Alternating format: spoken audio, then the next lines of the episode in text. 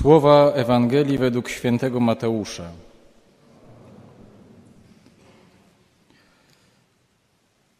Jezus, widząc tłumy, wyszedł na górę, a gdy usiadł, przystąpili do niego jego uczniowie. Wtedy otworzył usta i nauczał ich tymi słowami: Błogosławieni ubodzy w duchu, albowiem do nich należy Królestwo Niebieskie. Błogosławieni, którzy się smucą, albowiem oni będą pocieszeni. Błogosławieni cisi, albowiem oni na własność posiądą ziemię. Błogosławieni, którzy łakną i pragną sprawiedliwości, albowiem oni będą nasyceni. Błogosławieni miłosierni, albowiem oni miłosierdzia dostąpią. Błogosławieni czystego serca, albowiem oni Boga oglądać będą. Błogosławieni, którzy wprowadzają pokój, albowiem oni będą nazwani synami Bożymi. Błogosławieni, którzy cierpią prześladowanie dla sprawiedliwości, albowiem do nich należy Królestwo Niebieskie. Błogosławieni jesteście, gdy wam urągają i prześladują was, i gdy z mego powodu mówią kłamliwie wszystko złe o was. Cieszcie się i radujcie, albowiem wielka jest wasza nagroda w niebie. Oto słowo Pańskie.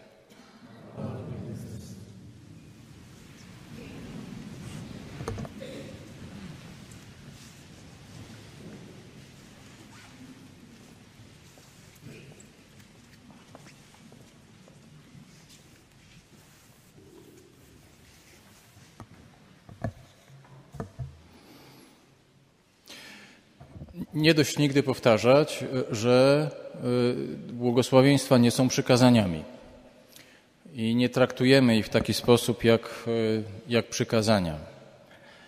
Nie dość y, powtarzać, że to nie jest tak, że ze słabości czy z takiej nijakości, bezradności robi się w tym tekście cnotę. Wielu krytyków chrześcijaństwa tak, tak odbierało ten tekst, że właściwie wszyscy ci, którzy są wierzącymi i wyznają Ewangelię, no to są właściwie takie ofiary losu i on, próbujemy uzasadnić tym samym, że jednak nie jesteśmy ofiarami losu, że to kiedyś będzie, będzie dobrze. Więc to nie jest też tak, że to jest opowieść o tym, że właśnie z, z biedy robić cnoty. To oczywiście zawsze będą paradoksalne dla nas słowa. Absolutnie tak. E, one, każde z tych zdań, ono przypomina takie da, dalekowschodnie koany, czyli takie zdania, które moglibyśmy sobie gdzieś w głowie trawić, e, mierzyć się z nimi, każdy bardzo indywidualnie i każdy z jednym tak naprawdę. Jednym, jedno by wystarczyło, żeby próbować złamać czy przeniknąć ten, ten paradoks, który, który w nich jest bo myślę, że to, to, to czujecie, tak? że, że, że doskonale czujemy ten, ten moment, to, to się nie skleja. To się, to się na, naprawdę nie mieści w logice, y, którą operujemy, w której żyjemy, bo y, to, to jest niemożliwe, że jak, jak, nie wiem, ktoś prześladuje kogoś i ten ktoś prześladowany ma się cieszyć, to jest super i w ogóle świetnie. Znaczy to, to, to urąga na naszej logice, y, logice myślenia. I najczęściej tak jest, że, że o błogosławieństwach tak próbuje się powiedzieć tak całościowo, tak żeby złapać tą myśl między słowami Pana Jezusa, żeby zrozumieć istotę czy ten nerw tego przesłania, e, który pozwoli jakiś znaleźć klucz do, do, do, do całości. Natomiast myślę sobie, że, że i tak, tak chciałem Wam dzisiaj to zaproponować, że no jednak to jest tak, że każde z tych błogosławieństw, y, każde z tych zdań to jest też jakaś wskazówka do życia. To jest wskazówka też do, do, do, naszego, do naszej codzienności. Kiedy, y, kiedy czytamy o tych, którzy są błogosławieni, błogosławionymi ubogimi, ubogimi, to tak naprawdę Pan Jezus zadaje nam pytanie o naszą wewnętrzną wolność. Naszą wewnętrzną wolność w stosunku nie tylko do tego, co najbardziej oczywiste, do pieniędzy i do majątku, ale przede wszystkim naszą wewnętrzną wolność w stosunku do rzeczy, do ludzi, do opinii, które inni wypowiadają na nasz temat, do, nie wiem, tytułów naukowych, które posiadamy, do pozycji, którą posiadamy, wewnętrzną wolność. To jest tak naprawdę błogosławieństwo czy, czy wezwanie do tego, żeby też nie zawłaszczać ludzi.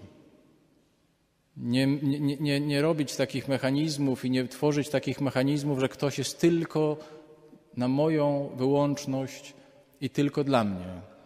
I że, że z nikim innym to nie, ale ze mną jak najbardziej powinien być bardzo, nie wiem, szczery, blisko i to on jest mój, wyłącznie mój. To jest y, y, też takie pytanie o, o, o wiele takich naszych, mówimy, śmiesznych przyzwyczajeń, ale które y, potrafią nam zatruwać bardzo życie. C.S. Lewis, autor Narni, w jednej ze swoich wyśmienitych książek Chrześcijaństwo po prostu opowiada o swojej sąsiadce. Sąsiadce, która była już wiekowa i mieszkała ze swoją rodziną I, I ta sąsiadka mówiła wszystkim dookoła, że ona wszystko w życiu ma. I ona wszystko w życiu ma i jedyne, o co prosi, to żeby codziennie e, dostawać e, dobrze wysmażoną ogrzankę i kawę. I mówi, to nie jest problem, C.S. Lewis pisze, to nie był problem w tym, że, że, że to, to jest jakieś niezwykłe wymaganie, tylko nigdy ta kawa i ta grzanka nie były wystarczająco dobre że ona albo była niedopieczona, albo spieczona, a kawa nie taka. I, i, I, kiedy się nad tym zastanowić, tak, mamy swoje ulubione kubki, z których pijemy herbatę, a nie daj Boże ktoś ją weźmie. W klasztorze tak jest na pewno. E, mamy swoje ulubione miejsca w kościele? Mamy. Mamy e, swoje ulubione miejsca, w których, nie wiem, lubimy być, nie daj Boże ktoś się zajmie i tak dalej, i tak dalej. To jest, kto z nas jest od tego wolny? To, to, to błogosławieństwo pokazuje, jaką jeszcze mamy perspektywę e, w sobie i drogę do przejścia. Po drugie, kiedy czytamy o błogosławieństwie tych, którzy, którzy są cisi, którzy są cisi, to e, e, no znowu w zakonie to mamy takie złośliwe powiedzenie, że mm, w pokorze nikt mnie nie prześcignie, że się licytujemy, kto bardziej jest pokorny i kto bardziej potrafi żyć Ewangelią, ale tak naprawdę e, to jest takie pytanie o taką umiejętność dystansu do siebie. Umiejętność takiego też e, popatrzenia na siebie często z humorem, jak bardzo jesteśmy śmieszni, jak bardzo czasem potrafimy być żałośni w sprawach w ogóle poważnych albo przesadnie poważni w sprawach śmiesznych. To jest pytanie o to, jak też przyjmujemy krytykę, zwłaszcza z osób, ze strony osób najbliższych, nie tych, którzy są złośliwi wobec nas, ale tych, którzy chcą nam realnie pomóc, którzy, którym realnie na nas zależy. Kiedy mówimy o błogosławieństwie tych, którzy łakną i pragną sprawiedliwości, to tak sobie pomyślałem, że, że, że to, ten tekst należałoby czytać w kontekście tego fragmentu o sądzie ostatecznym o sądzie ostatecznym w Ewangelii, gdzie Pan Jezus mówi: Byłem głodny, byłem spragniony, byłem przybyszem. To znaczy, pytanie o sprawiedliwość jest pytaniem o tym, czy przypadkiem nie fiksujemy się za bardzo na samych przepisach, na zasadach i mówimy sobie, właściwie to dobrze wszystko spełniam, tylko że potrafię być w tym bardzo nieludzki i nawet tego nie widzę. To jest ten moment często y, widzenia też sprawiedliwości. Sprawiedliwość nie jest tylko, przynajmniej sprawiedliwość ewangeliczna, nie jest tylko trzymaniem się przepisu, ale widzeniem realnych potrzeb drugiego człowieka. Ci, którzy są miłosierni, bo miłosierdzia dostąpią i choć od razu myślimy o tym, że, że trzeba jakoś postępować w stosunku do ludzi, to chciałem Wam odwrócić tą perspektywę i sobie też odwrócić i powiedzieć, że przede wszystkim miłosierni mamy być wobec siebie. Wobec siebie. To znaczy w pierwszej kolejności przebaczać sobie. Sobie. Swoje wybory, swoje życie, swoje nieudane wybory. Być miłosiernym wobec siebie. Co nam mówi serce, kiedy słyszy takie błogosławieństwo? Czy bliżej nam właśnie do okrutnego traktowania siebie? do tego, jak bardzo jesteśmy beznadziejni, głupi, niedobrzy, że tyle rzeczy zły zrobiliśmy i w kółko robimy. Miłosierdzie wobec siebie jest ogromnym wyzwaniem, bo jak zrozumiemy wobec siebie, to możemy je okazywać innym. To możemy dopiero wtedy je okazywać innym. Ci, którzy są czystego serca, oczywiście, że to takie błogosławieństwo i takie wyzwanie, które gdzieś pod spodem ma e, tą perspektywę seksualności. E, prowadząc, prowadząc kurs przedmałżeński, e, nawet ostatnio, kilka dni temu, mówiliśmy o tym parom, które się na obecnym kursie pojawiły. Czystość to jest uczciwość, uczciwość względem siebie w seksie. Czystość to jest uczciwość względem siebie w seksie. Bo złem nie jest to, znaczy złem nie jest seks. Grzechem nie jest przyjemność zmysłowa. Grzechem jest to, że i seks, i przyjemność potrafią być wykorzystywane przez nas w sposób manipulacyjny. To tak. Nie, nie, nie problemem jest to, czy przeżywamy, y, przeżywamy pokusy. To nie jest tak, że, że jak y, wielu z Was zawarło przysięgę małżeńską i powiedziało y, swojej żonie i swojemu mężowi: Ślubuję Ci wierność, uczciwość małżeńską, Cię nie opuszczę, to znaczy, że w ogóle już teraz nie odczuwam żadnych pokus, żadnych pragnień, nie podobają mi się żadni mężczyźni, żadne kobiety i w ogóle nie daj Boże na jakiegoś spojrzę. Czy na jakąś spojrzę, to w ogóle koniec w ogóle nie o to chodzi. To chodzi o to, że w swoim sercu dla Ciebie, mój mężu, moja żono, mam miejsce szczególne. Jedno, jedyne. I bardzo tego miejsca chronię. Uczciwość względem siebie w seksie. Czystego serca. Ci, którzy wprowadzają pokój, chciałoby się powiedzieć, że najważniejsze w życiu to się nie kłócić. A przecież Miłość i prawda wchodzą, chodzą ze sobą parami. Miłość i prawda. I że czasem ten moment wejścia w kłótnię jest momentem, momentem bardzo istotnym w ogóle w funkcjonowaniu związku. I z ogromną podejrzliwością zawsze myślę o parach, które, które mówią: My się nie kłócimy. To źle wam wróży. To źle wróży. W końcu ci, którzy cierpią prześladowanie, cierpią prześladowanie, Aż chciałby się powiedzieć, cierpią prześladowania, bo będą mogli się zemścić. Czemu, Panie Jezu, tak nie powiedziałeś? Ale by było fajnie, że w końcu będą mogli w końcu odpowiedzieć kiedyś. No właśnie nie. Być może to, co nas najbardziej charakteryzuje, nas, chrześcijan, to jest ta umiejętność przebaczenia nas względem tego świata. Ale jednocześnie też y, y, y, odwaga, odwaga stawiania granic. Odwaga stawiania granic y, i, i swoim dzieciom, czy także w stosunku do swoich rodziców? Oczywiście, że tak. Odwaga mówienia o tym, co jest dla mnie ważne i obrony tej wartości. Tak, jak najbardziej. Nie wszystko w życiu jest labilne. Nie.